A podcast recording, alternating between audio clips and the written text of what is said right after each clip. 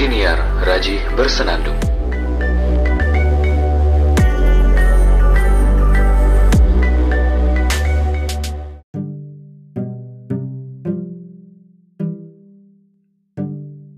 Selamat datang kembali di podcast Raji Bersenandung. Sudah semenjak Januari 2021 saya tidak update podcast.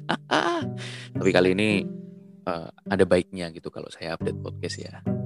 Sekarang saya sedang bersama teman saya ini yang kemarin-kemarin sempat saya ajak ngobrol juga tentang topiknya itu kalau nggak salah keinginan gitu. Oh yes, nah, betul betul betul betul. Ini saya undang lagi beliau di podcast ini. Halo, Kakanda Jalil. Halo, halo, halo. Iya. Bagaimana di sana kondisi Ramadan? Ramadan apakah, di sini eh sepi krik-krik. Lebarannya apakah sama dengan Indonesia? Oh, sama. Sama. Enggak yang lompat lima hari gitu, enggak. Jamaah anak Atau lebaran duluan kan lucu. lebaran duluan. Iya, kan ada beberapa. Lebaran biasanya ada apa aja nih, Ya, kalau lebaran ya biasanya ketemu orang-orang, ketemu keluarga. Kalau aku gini kan nggak ketemu keluarga ya, apalagi lockdown ya di Malaysia. Waduh, ketemu orang-orang aja udah syukur itu. Ketemu yang iya. apa, ketemu yang orang eh, orang Indonesia di Malaysia aja udah bersyukur banget ya. Ah, iya bersyukur banget. Bahkan ini lucu di Pineng itu ada mekanisme khusus. Gimana uh, entah di Pineng atau di seluruh Malaysia ya soalnya ini kan mengikuti kondisi jadi sholat idnya itu ada tiga tahap hmm. ada ada tiga sesi eh tiga tiga apa ya tiga giliran tiga giliran di giliran pertama itu jam 8 sampai jam berapa giliran kedua jam berapa sampai jam berapa jadi siang gitu giliran kedua sama ketiga oh per gelombang per gelombang ada, ada gelombang pertama ada kuotanya masing-masing yoi jadi oh dan waktunya dibatasi. Gelombang pertama 45 menit, yang kedua juga gitu, yang ketiga juga gitu. Untuk menghindari kerumunan memang. Biar oh. ya kita kuotanya bisa berapa? Kenapa? ini kuotanya berapa? Kuotanya berapa? Aduh, lupa gue. Pokoknya ada tadi ada tadi salah satu pembimbing PPI di USM itu nge-share mekanisme ini teknisnya sholat Idul Fitri di sini. Sampai siang dong sampai siang we. sampai jam sebelasan gitu loh. Kocak memang. Tapi gimana lagi? Aku sih mau maklumi kondisinya. Yes. Memang mungkin seharusnya. Tapi aku aman loh di sini. Maksudnya aman di sini karena uh, terhindar dari pertanyaan-pertanyaan yang menakutkan. Yes that's karena ini ya karena apa namanya uh, kebetulan kebetulan tidak di rumah ya. Kebetulan tidak di rumah tidak ketemu dengan orang-orang tetangga. Mungkin tidak dengan orang-orang dengan tetangga ya. Jadi kalau misalnya uh, via virtual mungkin bisa dideklan bisa ditolak gitu ya. Jadi masih aman-aman aja. Nah, bahkan mungkin terbatas waktunya gitu. Yes kalau ketemu kan kan paling cuma syukur-syukur saya hello habis itu ditanya gimana kondisi Malaysia? Hmm. kayak gini-gini udah selesai gitu kan. Betul banget jadinya apa uh, silaturahmi yang dilakukan adalah silaturahmi ya via virtual. Ya virtual. Ya virtual. Dan itu much better ya membantu. Oh nggak dari dulu aja kayak gini gitu kalau nggak dari nggak nggak nggak nggak. Sorry sorry. Aja aja. Nggak nggak nggak maksudku uh, silaturahim di Idul Fitri itu wah penting banget itu. Soalnya kapan lagi? Kalau bukan karena Idul Fitri kita bisa kumpul dengan keluarga besar. Aku bersyukur banget sih soalnya dulu dulu itu sering gitu sebelum adanya corona ya kita semua bisa kumpul dengan keluarga besar rekreasi bareng. Habis itu uh, bisa ngerti oh ini sepupuku sudah seperti ini. Oh ini saudaraku sudah seperti ini gitu. Terus kami kumpul-kumpul cerita-cerita. Serunya di yes. situ sih. Ya sih ya sih. Bener banget. Apa namanya? Kadang-kadang uh, momen itu menjadi salah satu momen untuk say hello atau mungkin nanya lebih dalam tentang progres atau perkembangan ya.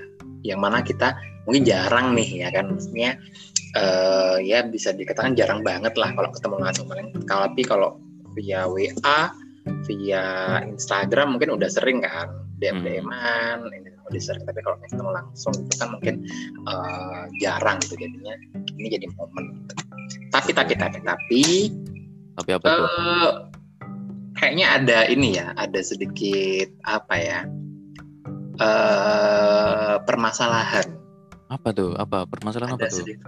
bukan sih maksudnya uh, jangan-jangan jangan-jangan dengan adanya uh, momen itu momen silaturahmi dan sebagainya itu uh, menjadikan hubungan antar saudara itu nah itu ada dua kemungkinan semakin renggang oh. semakin renggang atau semakin atau semakin erat kan seperti itu ya. Bentar, bentar. Ini menarik nih, menarik nih. Kamu bisa jadi renggang itu gimana tuh? Bisa jadi ya, bisa jadi ya karena Indonesia itu uh, budayanya sangat ini ya, sangat sangat kompleks, sangat uh, apa bahasanya sangat uh, apa sih? Beragam ah, beragam. Beragam. beragam. Jadi akhirnya mungkin setiap daerah memiliki uh, habit kebiasaan lebaran itu yang berbeda-beda. Tapi uh, ada satu habit ada satu kebiasaan yang itu kayaknya semua santri Indonesia sama kayaknya. Apa itu itu adalah bahasa basi yang basi. Bahasa basi bahasa basi yang basi.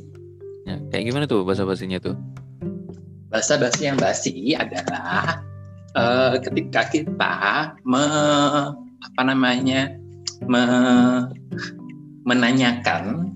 Nah, biasanya kalau bahasa basi gimana sih, Ji? Bahasa basi, eh gimana kabarnya? Eh, gimana kabarnya? Uh, udah lulus belum? Udah oh. Lulus. udah lulus belum? Oh, yang itu, nah. yang itu.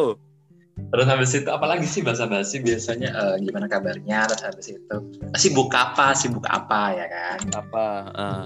sibuk apa? Terus habis itu uh, apalagi ya? Biasanya kalau kelas anaknya kelas 3 SMA mungkin ditanya ditanya e, kuliah di mana? Lanjut di mana? Mm-hmm. ya kan? Jadi itu yeah. adalah bahasa basi yang mungkin bagi sebagian orang atau bahkan mungkin sekarang di 2021 ini kayak seakan jadi kesepakatan bersama bahwasanya bahasa basi yang basi itu kayaknya perlu di sedikit dikurangi atau bahkan uh, dikurangi secara keseluruhan gitu karena kayaknya ada juga banyak juga uh, model pertanyaan atau model bahasa basi yang itu beneran bahasa basi nih gitu kan. Kalau misalnya dilihat dari singkatannya apa sih bahasa basi Ji? Bahasana bahasa ini. Ya, Betul, bahasana bahasa ini. Bener bener bahasa basi bahasana bahasa ini. Jadi uh, apa namanya? bisa jadi itu salah satu cara kita untuk mendekatkan diri dengan saudara atau teman yang mana kita jarang banget nih ketemu bahkan selama setahun kita cuma ketemu ya sekali itu doang pas lebaran doang itu hmm, memicu iya. ini ya. Memicu apa? Memicu perdebatan. Uh, gimana ya? Ya gitu sih. Ya apa? Tapi kan wajar, maksudnya uh, karena jarang ketemu, jadi ya bingung dong kita mau nanya apa gitu. Akhirnya basa-basi dulu. Habis itu mau tidak mau yang dipertanyakan adalah hal-hal yang nampak. Karena memang setiap hari nggak ketemu gitu kan. Ya, jadi uh, ya uh, ini yang dipertanyakan kan hal-hal yang sifatnya standar-standar uh, gitu loh. Hmm. yang yang dasar-dasar kayak misalkan uh, aku dengan saudaraku kami selama setahun tidak bertemu yang aku tahu adalah dia baru menikah. Makanya aku tanya gimana? Uh, tinggal di mana sekarang sama suami atau sama istri? gitu. Terus uh, mungkin tanya pekerjaan kah atau uh, sudah hamil atau belum hmm. itu pertanyaan umum orang ya kalau aku pribadi sih aku nggak banyak tanya sih Iya, benar banget. Jadi uh, kalau misalnya tak uh, ini ada sedikit ini sih, ada sedikit apa namanya hmm, bacaan, ada sedikit bacaan ya. Kemarin sempat sempat membaca uh, atau kebetulan lewat aja di timeline mungkin ya tentang hmm. uh, sebentar, sebentar lagi lebaran nih kalau ada omongan jahat bla bla bla bla bla bla mungkin kita bisa men, uh, menyikapnya dengan sedikit bijak uh, ternyata omongan jahat yang dimaksud itu adalah beberapa pertanyaan yang uh, sepertinya bagi sebagian orang atau bahkan bagi sebagian besar orang itu uh, sedikit me menyakitkan atau sedikit ngapain ngapain ente tanya begitu gitu jadi kayak ada ngapain sih itu kan bukan urusan ente gitu. atau ngapain sih ini kan daerah privasi ya hal-hal hmm. seperti itu yang yang apa ya Cio yang kayaknya perlu kita tahan nih untuk beberapa jam selama kita bertemu sama orang lain gitu. kayak misalnya mungkin body shaming ya kayak misalnya uh, baru ketemu ya Allah lama banget gak ketemu. Kok saya gendutan ya? -gitu ya hmm. shaming gitu. Padahal kita nggak pernah tahu nih di belakang itu uh, effort apa yang sudah dia lakukan misalnya. Atau uh, apa ya bahasanya ya? Usaha maksimalnya kita nggak pernah tahu nih perjuangan dia bagaimana buat kurus misalnya kalau dari gemuk gitu. Terus uh, apa lagi? Pertanyaan pertanyaan yang umum apa lagi aja Uh, mungkin yang aku singgung di awal tadi, aku di sini selamat dari pertanyaan kapan menikah, betul uh, banget, kapan lulus, atau betul kapan, kapan betul. Biasanya kalau ini misalnya udah lulus S1, kemudian kan tanya, ah oh, udah lulus, kapan nikahnya? Nah, gitu. Atau enggak? Atau kerja di mana? Nah itu, gimana kerjaan? Kan kita hmm. jadi jawab kalau misalkan kita belum dapat kerjaan kan jadi bingung jawabnya itu. Hmm, bener banget, maksudnya kita kan uh, jawab apa ya ini ya? Karena akhirnya kan ada penyesalan dalam diri sendiri ya penyesalan bahwasanya ya tahu gitu mah mending nggak usah ikut tadi. Iya. Tahu gitu mending nggak usah silaturahmi kan gitu kan. Akhirnya iya. uh, uh, kita tidak menyadari bahwasanya beberapa pertanyaan tersebut itu apa ya uh, menyakitkan gitu bagi sebagian orang atau bahkan uh, membuat kita memiliki motif untuk melakukan hal negatif lainnya. Contohnya ya tadi itu gitu memutus hubungan, memutus silaturahmi gitu. Ini ada pengalaman pribadi nih Ci. Gimana Jadi, tuh? Uh, uh, apa namanya uh, di Situbondo, ini kan rumah di Situbondo ya, uh, kampung di Situbondo. Jadi ada uh, teman, bukan teman lah mungkin ya, karena bukan saudara gitu. Jadi uh, memang setiap tahun kita kumpul-kumpul setiap uh, biasanya memang bukan pas Ramadan bukan pas bukber tapi pas halal bihalal gitu soalnya biasanya uh, beberapa itu uh, mereka kerja di luar kota uh, yang kerja di sebenarnya kebetulan cuma satu dua, dua orang kayaknya. Misalnya di luar kota semua. Terus temu biasanya tiap tahun gitu. Nah ini adalah momen termalasku untuk kumpul sama mereka sebenarnya. Tapi nggak bisa dihindari gitu nggak bisa dihindari karena mereka pasti kumpul gitu pasti ngajak dan sebagainya gitu. Sedangkan kalau misalnya aku kayak yang nolak gitu kayak seakan-akan uh, paling sibuk sendiri gitu kan. Jadi akhirnya hmm. kalah menyempatkan waktu sejam dua jam sejam atau sejam setengah lah kemudian bisa pulang. Tapi yang disayangkan adalah di perkumpulan itu itu pasti apa ya bahasanya ya uh, pembahasannya itu uh, hal-hal hal-hal hal-hal privat hal-hal hal-hal yang berbau privasi gitu. Ya kalau dulu mungkin uh, sebelum nikah ya ditanya gitu kapan nikah kemudian uh, apa namanya kerja di mana gajinya berapa gitu. Itu kan hal-hal yang kemudian kita nggak perlu saling umbar gitu sebenarnya. Mm-hmm. kalau menurutku gitu sih nah, beberapa poin itu akhirnya ngebuat ngebuat aku secara pribadi juga aduh males banget ya datang ke kumpulan anak-anak ini ya gitu. karena uh, mungkin banyak banget nih pembahasan yang bisa kita bahas. Contohnya uh, uh, kuliahnya dulu ngambil jurusan apa?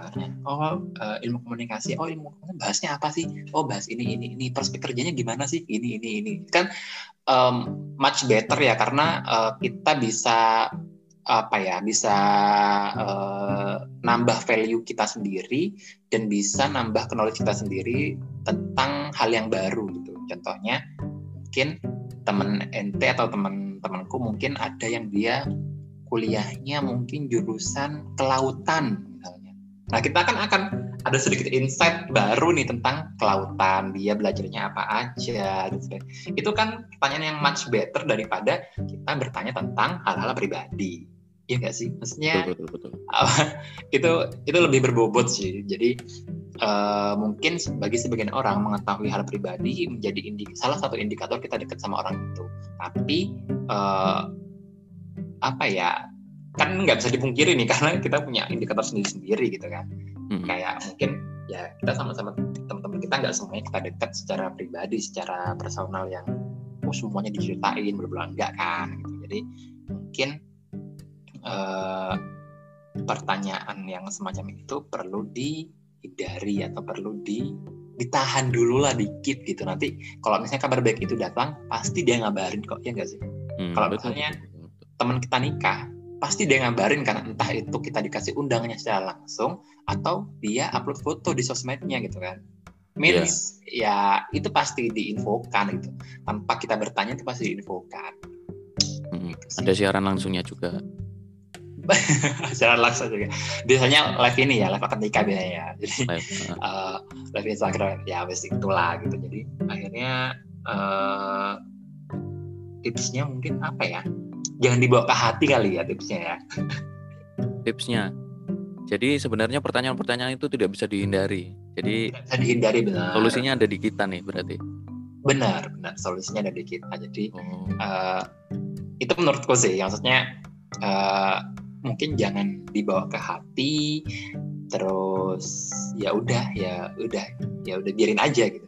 Yeah. Iya. Uh, kemarin kemarin sempat ini sempat ada uh, beberapa orang yang tanya begitu juga gitu uh, apa kemarin kebetulan masih di Malang posisinya yang di Malang hmm. terus habis itu uh, ditanyain lah ada orang gitu teman kantor lah uh, udah ini ya udah apa udah nikah sekarang udah berapa bulan gitu. Terus ya tak ceritain segini gitu kan. Terus habis itu oh udah punya rumah gitu. Oh seharusnya sih punya rumahnya sebelum nikah pak. Gini gini gini gini soalnya gini gini gitu akhirnya ya secara pribadi males gitu kan kayak eh orang ini lapo sih? Gitu. Maksudnya ngapain banget gitu tanya kalau misalnya ente peduli sama aku ya wis ya bantuin nyari duitnya dong gitu kan sekalian gitu kan. Betul, betul, betul, betul. akhirnya oh, ya wis lah aku nggak nggak terlalu menanggapin jadi nggak tidak merespon sama sekali atas apa yang diucapkan dan uh, ditanyakan ya udah. Uh, let it go gitu maksudnya uh, mungkin dia bingung nyari bahan untuk bahasa basinya jadi dia uh, nemu bahan itu gitu. Iya. Ya. iya karena emang nggak ada bahan jadi bahan yang ditanyakan. Hmm. Yang kemarin gitu ya aku baca ini. Uh, tulisan siapa ya lupa sih. Uh, dia psikolog gitu di twitter gitu. Dia bilang gini uh, pertanyaan pertanyaan lebaran eh pertanyaan pada saat lebaran yang menyakitkan uh, itu adalah pertanyaan yang orang menanyakannya itu beda frekuensi beda, beda dimensi sama kita yang ditanyakan. Paham enggak maksudnya gimana tuh? Jadi gini nih ada si A nih. Si A ini nanya ke si B. Dia misalnya nanya e, kapan nikah misalnya ya nanya kapan nikah sedangkan si B ini katakanlah e, dia umur 30 lah atau 32 misalnya tapi dia emang belum nikah Terus habis itu sama si A ditanya nih, kapan nikah?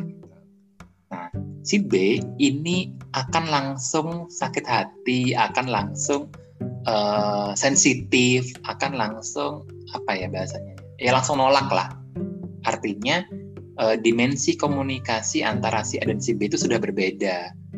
Dimensi yang si A itu dia tidak mikir uh, baga uh, bagaimana respon komunikatornya ketika dia bertanya ini, ketika dia bertanya itu, gitu. Hmm. Akhirnya jawaban yang didapatkan itu juga satu, tidak satu dimensi gitu loh, Ji. Jawaban yang didapatkan adalah uh, mungkin tidak secara verbal atau tidak secara ucapan, tapi uh, secara apa ya? Apa sih bahasanya? Non verbal kayak misalnya dia menghindar, pindah tempat, terus habis itu uh, mukanya langsung menunjukkan rasa kesal misalnya hmm. atau senyum sinis misalnya. Itu kan akhirnya uh, apa ya uh, pola komunikasinya itu beda dimensi. Ketika si A ini dimensinya menanyakan tanpa memikirkan si B ini jawabannya menjawab tanpa uh, memikirkan juga gitu. Maksudnya bisa langsung pindah lama itu kan itu kan malah merusak suasana ini ya malah merusak suasana suasana lebaran yang seharusnya itu bisa lebih hangat gitu bisa Hmm. lebih bisa lebih ya bisa lebih hangat lah justru lebih ke, ke keluarganya itu di situ Itu Nah, cara tahu dimensi orang gimana dong? Maksudnya dimensi komunikasi orang ya? Eh, cara taunya adalah dari respon yang diberikan kayak misalnya eh, Loh, enggak, kita maksudnya gini. Eh, biar kita tidak satu dimensi. Ya biar kita membuat satu komunikasi yang satu dimensi. Iya, itu gimana tuh? mungkin ini sih apa namanya eh, kita mencoba mempraktekkan dan memposisikan diri kita di posisinya. Contoh mungkin ketika eh, aku belum aku sudah wisuda dan aku akan berkomunikasi dengan sepupuku yang dia sudah semester 12 gak mungkin dong tanya ya apa wis wisuda. Nah misalnya gitu kan karena apa? Karena ketika eh, aku di posisi dia gitu kan aku di posisi dia itu juga pasti akan ini ngapain sih orang nanya-nanya kayak gini? Jadinya kita sudah kita sudah bisa memposisikan kan pasti udah pasti tahu nih J. Hmm, Eh, ketika aku mau ke rumah om ini itu nanti akan ketemu sama sepupuku yang ini ini ini ini. Oh dia sekarang masih eh, kuliah semester ya kira-kira semester segini lah meskipun kita nggak tahu persis ya gitu. Iya. atau mungkin oh dia sudah kerja kayaknya sudah kerja deh nah kita kan sudah bisa tahu nih memilah dan memilih kira-kira nanti ngomong apa ya? Untuk menjaga ini untuk menjaga suasana itu agar tetap nyaman gitu. Jadinya kita bisa tahu apa yo bahasanya ya? Eh, kita bisa tahu eh, kita berkomunikasinya bagaimana sesuai dengan eh, ketika kita eh, sesuai dengan posisinya dia sesuai dengan posisinya komunikator sesuai dengan posisi komunikator Kita sudah Jadi tahu kayak- lah. kayak simulasi dulu gitu loh J ke diri Betul, sendiri betul. gitu loh. Ya, kayak sebenarnya dulu. kita gini, kalau aku nangkep sih memang ada benarnya. Sebenarnya ini kita bisa dengan mudah tahu kondisi saudara-saudara kita kan. Mm-mm. Apalagi era medsos kayak gini tuh Yes, gampang banget gitu loh. yang semua Saudara- udah di, udah diumbar ya Betul, saudara kita itu paling sudah update soal eh, mungkin dia lagi bikin karya apa gitu, lukisan apa gitu. Kita bisa tanya tentang karya lukisan dia kan, that's bener banget ya jadi daripada harus tanya hal sifatnya pribadi gitu. Mm-mm, mm-mm. Ya, Nah, itu oh akhirnya- itu itu yang membuat nanti kita jadi satu frekuensi, Mm, mm-mm, ya bisa eh, satu dimensi mm-mm. komunikasinya dengan dia. komunikasinya Gitu. benar benar benar jadi lebih apa ya Ci lebih lebih enak lah gitu jadi suasananya lebih lebih nyaman gitu lebih hangatnya dapat gitu itu yang kemudian kadang-kadang eh, beberapa orang menghindari momen lebaran itu gitu entah mungkin kalau di agama lain mungkin kalau di Kristen mungkin momen Natalan ya atau nggak tahu ya mungkin Ya, ha. Tapi, eh, ya kalau di kita Indonesia karena mayoritas Muslim jadi mungkin lebih banyak dari kita menghindari momen Lebaran itu gitu. Momen untuk silaturahmi yang mana sebenarnya itu bagus banget ya. Maksudnya eh, ya kita tahu kita tahu lah nah, silaturahmi itu memperpanjang usia silaturahmi itu eh, bisa kita dapat channel baru link baru misalnya. Tapi dengan cara-cara yang seperti itu itu malah eh, bisa merusak suasana itu gitu. Bisa merusak apa ya bahasanya ya hubungan malah bahkan kan hubungan gitu jadi kita malah udah udah memprediksi nih aduh lebaran lagi lebaran lagi bes. jadi seakan-akan gue pengen anu J pengen menyendiri gitu. pengen cepetan lah lewat ini paling tidak lima sawal atau 10 sawal cepetan lewat lah gitu. Hmm. jadi kayak iya gak sih maksudnya kayak gitu loh J soalnya aku sekarang gini J ada eh, temanku eh, dia apa namanya eh, kerja satu bukan satu kerjaan sih. Jadi ada beberapa proyek yang aku bareng sama dia kebetulan. Mm-mm. dan habis itu dia itu orang Banyuwangi.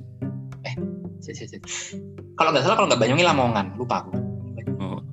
nah intinya dia bukan orang Malang lah. Bukan orang Malang. Terus habis itu Mhm. malah juga ke kos eh, ngontrak sorry ngontrak sama teman-temannya.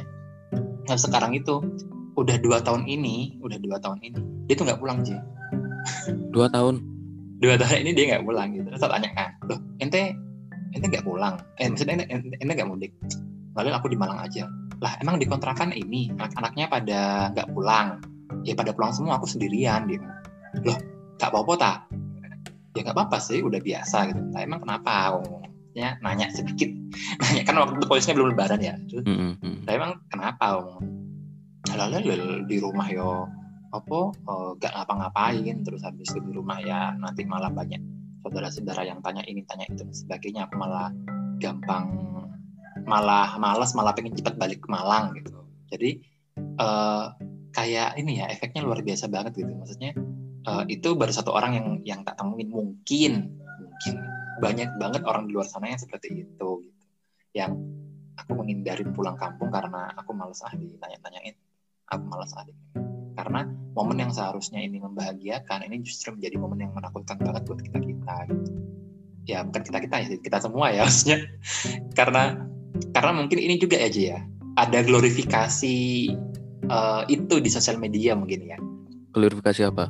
glorifikasi terkait pertanyaan-pertanyaan itu aja Oh, bisa jadi. Bisa. mungkin ya mungkin ya jadi bisa jadi juga tuh gitu kan kayak misalnya eh, tapi mungkin tapi juga dari dulu dari dulu Ji mungkin semenjak eh, kita belum lulus S1 kita ditanyain kapan lulus itu juga iki banget loh maksudnya kayak sih Iya sih.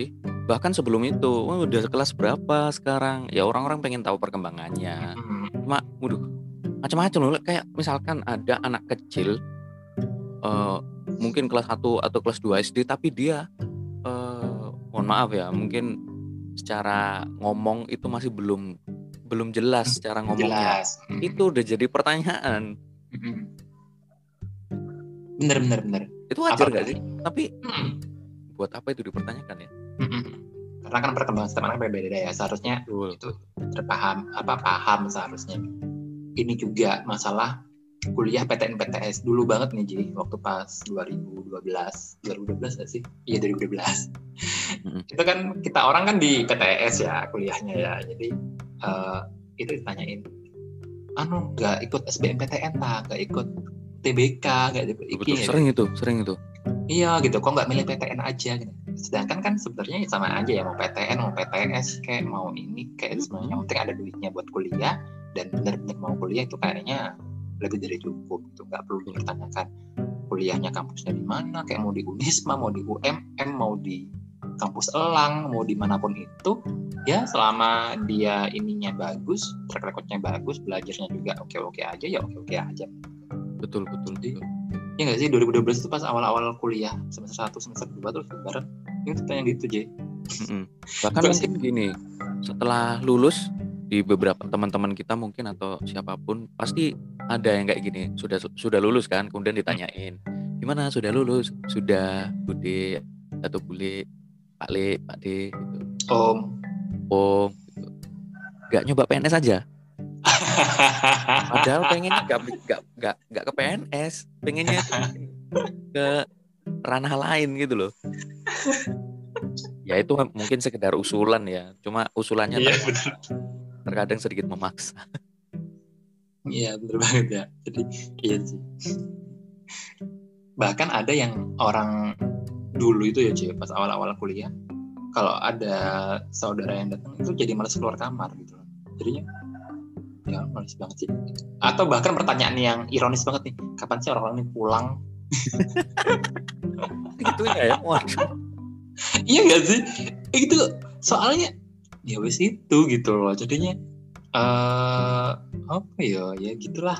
Ya seharusnya tidak semenakutkan itu seharusnya. Lebaran itu menjadi momen untuk substansinya adalah menjadi momen untuk penyambung silaturahmi bukan pemutus gitu kan. Substansinya adalah untuk eh, mengetahui kabar bukan malah memperburuk situasi apa kondisi misalnya. Gitu.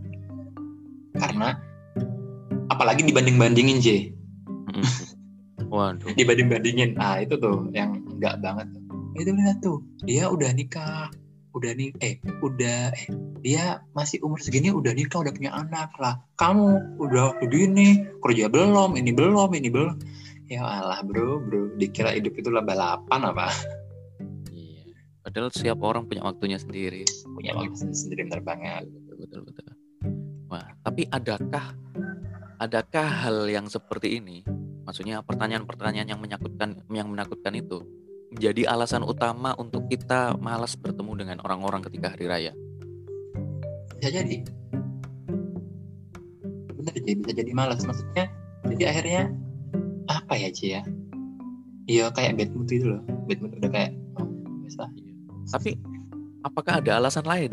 Jangan-jangan karena karena memang sudah tidak mau berinteraksi dengan orang, maksudnya karena memang sudah terbiasa hari-hari itu lebih enak me time daripada berkumpul dengan orang-orang itu karena Idul Fitri juga momennya itu libur lebih baik ini waktunya aku pakai buat menyendiri di kamar aja main HP atau tiduran gitu. Mungkinkah itu terjadi? Mungkin bisa jadi sih. Mungkin cuman ya mungkin itu case-case khusus ya. Maksudnya khusus. eh iya kan? Maksudnya kalau misalnya memang kita pulang kampung nih misalnya kayak eh, kita orang kerja di Malang terus habis itu pulang kampung ke Situbondo atau ke rumah eh, mertua misalnya ya itu kan akan pasti pasti ke rumah saudara ya kan pasti Mm-mm. eh, pasti itu pasti dan kita tidak bisa melawan budaya itu gitu. makanya eh, kemarin itu aku eh, ngobrol sama eh, temen yang dia habis exchange ke mana namanya ke Amerika Uh. terus eh, jadi dia di sana itu kayak short course gitu tapi lumayan lama short course-nya itu sekitar setahun lebih kalau nggak salah. Pokoknya dia sempat lebaran di sana. Hmm, nggak short berarti ya? nggak short itu tapi long. judul tapi judulnya short course tapi nggak short. Terus habis itu eh, ah, ngobrol-ngobrol lah tanya-tanya pak eh, ya apa pak? Eh, di Amerika itu pas lebaran itu gimana? Ya mungkin karena di Amerika tuh kita minoritas ya ya. Jadi eh, lebih bondingnya lebih dapet sama orang-orang muslim komunitas muslim di sana gitu. Terus ada ini nggak pak? Ada budaya kayak eh, apa namanya? Oh harus sungkem eh bukan sungkem sih harus ke rumah ini harus enggak sih nggak ada sih. Jadi habis sholat terus habis itu kayak mereka sholatnya kayak di apa di di apa sih di lapangan gitu. Terus habis itu uh, habis sholat mereka makan-makan langsung di tempat itu. Makan-makan terus habis itu ngobrol-ngobrol terus habis itu udah pulang. Terus habis itu udah masuk kerja. Jadi yang yang komunitas muslim yang lain yang kerja ya udah langsung masuk kerja. Terus habis itu dia juga kuliah ya udah kuliah seperti biasa itu kerja ya Hah? masuk kerja ya karena memang Iya. tidak libur ya Iya karena kan ada libur libur ya di Amerika bukan bukan bukan libur nasional gitu kan ya di Amerika. Nah itu aku kayak sering dapet eh dapet apa ya insight bahwasannya oh kayaknya lebih enak gitu ya Lebaran itu. karena gini Jin apa ya budaya kita itu memang budaya yang majemuk banget sih. Maksudnya eh, kita eh, budayanya itu kolektif ya. Indonesia itu budayanya kolektif banget gitu kayaknya. Jadi eh, mau ada momen apa pun itu harus bareng gitu kan. Intinya makan nggak makan harus kumpul lah gitu istilahnya kan gitu kan. Hmm. Jadi, akhirnya budaya ini kayak eh, bagi sebagian orang mungkin kayak bumerang gitu loh. Kayaknya nggak perlu deh gitu kayaknya nggak perlu deh ke sini kayaknya nggak perlu deh ke situ gitu. Mm-mm. jadi seakan-akan eh, pada saat itu pada saat itu aku kayak mikir kayaknya enak lebaran di Australia atau di Amerika kayaknya tidak ada tanggung apa ya beban untuk ke sana dan ke sini tidak ada ya cukup dari virtual aja lah apa namanya telepon video call ya terus habis itu yang zoom misalnya atau Google Meet misalnya dan sebagainya gitu Eh, tidak perlu juga mendengarkan berbagai pertanyaan ya yang tadi itu yang sangat menyakitkan dan sebagainya gitu. Itu jadi aku kayak mikir sing "Ah, kayaknya lebih enak lebaran di luar negeri ya daripada di Indonesia. Karena momen momennya itu eh, lebih substantif di, di kalau misalnya tak lihat ya lebih substantif di sana gitu loh mereka. Eh, bonding terus habis itu lan, apa eh, lanjut bertukar kabar habis itu udah selesai gitu. Ya udah ya ya udah gitu. Ya. Itu jadi lebih lebih ya nggak tahu ya karena mungkin belum ngerasain ya aku ya. Mungkin nanti ini lebaran nanti pertama di Malaysia ya? Loh kedua kalinya. Dua kalinya. Pas pertama kemarin gimana aja coba aja pertama kemarin itu kan cuma ketemuan biasa sama teman-teman habis itu selesai memang. Lebaran aja sholat idul fitri kami di musola. Hmm. karena waktu itu Oh, waktu sama itu lagi gini lagi lockdown. lagi ini ya waktu itu lagi lockdown baru satu negara ya? iya lagi lockdown satu negara habis itu kami sholat idul fitri sama tetangga di tetangga kamarku di sini. Hmm. beberapa orang jadi kebanyakan teman-teman dari Nigeria sama ada orang Indonesia dua orang. Iya habis itu eh, ketemuan sebentar tapi itu pun nggak yang ketemuan pagi itu atau siang itu juga. Ketemuannya itu maghrib. Baru oh bahkan aku nggak ikut. Kemarin nggak ikut ketemuan. Aku nggak ikut soalnya waktu itu rasanya nggak enak badan pusing gitu. Akhirnya ya tidur. Nah sedangkan teman-teman yang lain uh, memang ketemuan silaturahim habis maghrib itu sama teman-teman se Indonesia eh, satu daerah negara masing-masing termasuk yang Indonesia gitu. Hmm. ambil makan-makan tapi setelah itu selesai. Ya karena emang silaturahimnya gini menurutku itu silaturahim itu sudah mengakar di diri kita gitu loh. Jadi uh, kalau nggak silaturahim nggak asik rasanya kalau nggak silaturahim nggak asik rasanya betul betul betul. Jadi yang aku rasain menjalani lebaran di sini puasa Ramadan dan juga lebaran di sini itu teman-teman kalau sudah pertengahan Ramadan pasti ngobrol waduh nanti kita lebaran ngadain acara apa ya? Bisa nggak ya kita kumpul gitu makan-makan? Belum lebaran. Nah, iya. udah dibahas. Eh, loh iya soalnya kan itu perlu persiapan gitu loh dan mungkin nanti bisa jadi teman-teman PPI bisa mempersiapkan itu. Kalau dipersiapkan secara organisasional kan lebih terorganisir dan juga lebih lebih mencakup orang banyak gitu kan. Kalau disiapkan secara individu kan uh, belum tentu yang lainnya tahu gitu. Tapi yang lihat kondisinya kayaknya nggak bisa deh. Kalau yang sekarang ini juga nggak nggak boleh kumpul-kumpul gitu. Dia... Mungkin juga ini sih ya dengan adanya larangan mudik tuh beberapa orang mungkin bersyukur juga ya bersyukur gimana jadi Gak kayak ketemu. bersyukur gitu ada ada larangan mudik artinya bagi sebagian orang mungkin uh, itu merupakan toxic toxic question dan akhirnya apa ya ya menjadi ajang show off aja. Oh, iya iya iya. Ya sebagian orang mungkin merasa seperti itu. Iya karena kemungkinan kemungkinan kayak gitu tuh pasti terjadi sih kalau menurutku. Uh, selama masih ada kesenjangan di masyarakat kita hal yang sifatnya kesenjangan kayak gitu dan dinampakkan itu pasti juga terjadi meskipun di lingkup keluarga. Nggak cuma antar tetangga tapi bahkan di internal keluarga. Bisa jadi mereka ketemuan itu isinya pamer. Bisa jadi itu aja kan benar banget. Dan dan yang pamer itu bukan cuma satu dua. Ya Allah banyak banget. Oh bisa jadi banyak bisa jadi ya akhirnya kita tidak bisa menutup banyak mulut tapi kita bisa menutup dua telinga kita dengan dua tangan kita. Oh enak. Ya ya mungkin maksud mereka tidak pamer ya mungkin iya. maksudnya memotivasi atau berusaha berbuat baik dengan nggak tahu ya metode pamernya atau apa yang kita anggap pamer itu kayak gimana aku nggak ngerti macam-macam.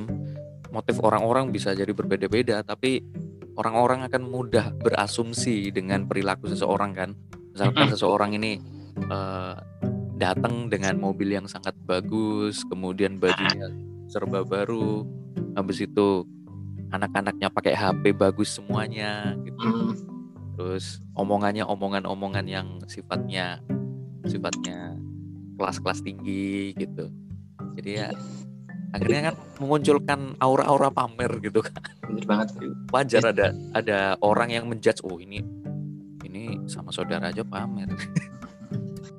Kalau tak baca-baca di mana namanya di di uh, apa? Di Twitter yang yang lewat di ini di di beranda itu itu ya sebagian besar males banget males banget datang ke acara kumpul-kumpul gini gini gini ternyata banyak ya yang yang ya mengeluhkan. Iya. Uh. Ini ada ada istilah nih. Apa yang, itu? Kadang yang bikin males datang ke acara tuh udah ada persepsi kalau halal bihalal itu cuma acara gibah secara halal. Jadi halal bihalal itu cuma acara gibah secara halal. gibah, gibah. Oh berarti kalau kita nggak datang jadi bahan omongan jadi bahan omongan jangan-jangan. Tapi tidak apa-apa. Daripada datang habis terus mengetahui dan sakit. Iya ini yang akhirnya jadi orientasinya salah ini. Harusnya kan bertemu itu eh, bersilaturahim itu untuk memperkuat ikatan bukan yang me melepas ikatan ya. Cari tidak langsung seperti itu tadi kan melepas ikatan Berarti harusnya yang kita bangun adalah me memperkuat, Pererat, memperkuat. Memperkuat, memperkuat ikatan ya sih. Iya. Kalau Idul Fitri kumpul sama keluarga itu ada momen momen maaf-maafan. Saya Hmm. kira itu positif. Habis itu tidak tidak hanya kepada orang tua ya maaf-maafannya ya, tapi kepada sesama saudara. Siapa tahu ada salah kemarin itu. Dan dan sudah selesai. Sudah selesai. Biasanya baru juga salam-salaman J, baru juga salam-salaman, Hmm? salim ke om, ke tante salim, salim. Oh, udah gede ya. Mana pacarnya gak dibawa? Ah, iya, itu. Anjir baru juga nih, baru juga memaafkan dengan setulus hati nih. dia, dia ya. udah dia udah ngebuat ngebuat hal eh, goresan baru, bro. Tapi itu menarik loh, menarik loh. Aku aku ini jujur aja ya, ini kalau di, misalkan ada mbah atau bule, Pak Le tanya tentang eh, Bude atau Pak D tanya misalkan oh udah sudah lulus kuliah ya. Gimana pacarnya nggak dikenalin di sini gitu. Itu aku antara antara sedih sama seneng. Sedihnya karena gak duwe pacar. Senengnya iku biar didengar orang tua aku biar aku oleh pacaran. Itu jujur aja dalam hati ya. Tapi nggak yang butuh temenan kak. Yo, wow. iya iya. Eh, itu lagi-lagi lagi-lagi masalah semenakutkan apa kita di lebaran itu sampai beberapa orang atau bahkan banyak orang itu memilih untuk sepertinya enggak enggak ini sepertinya enggak apa namanya enggak enggak usah datang Iya sih, betul betul betul.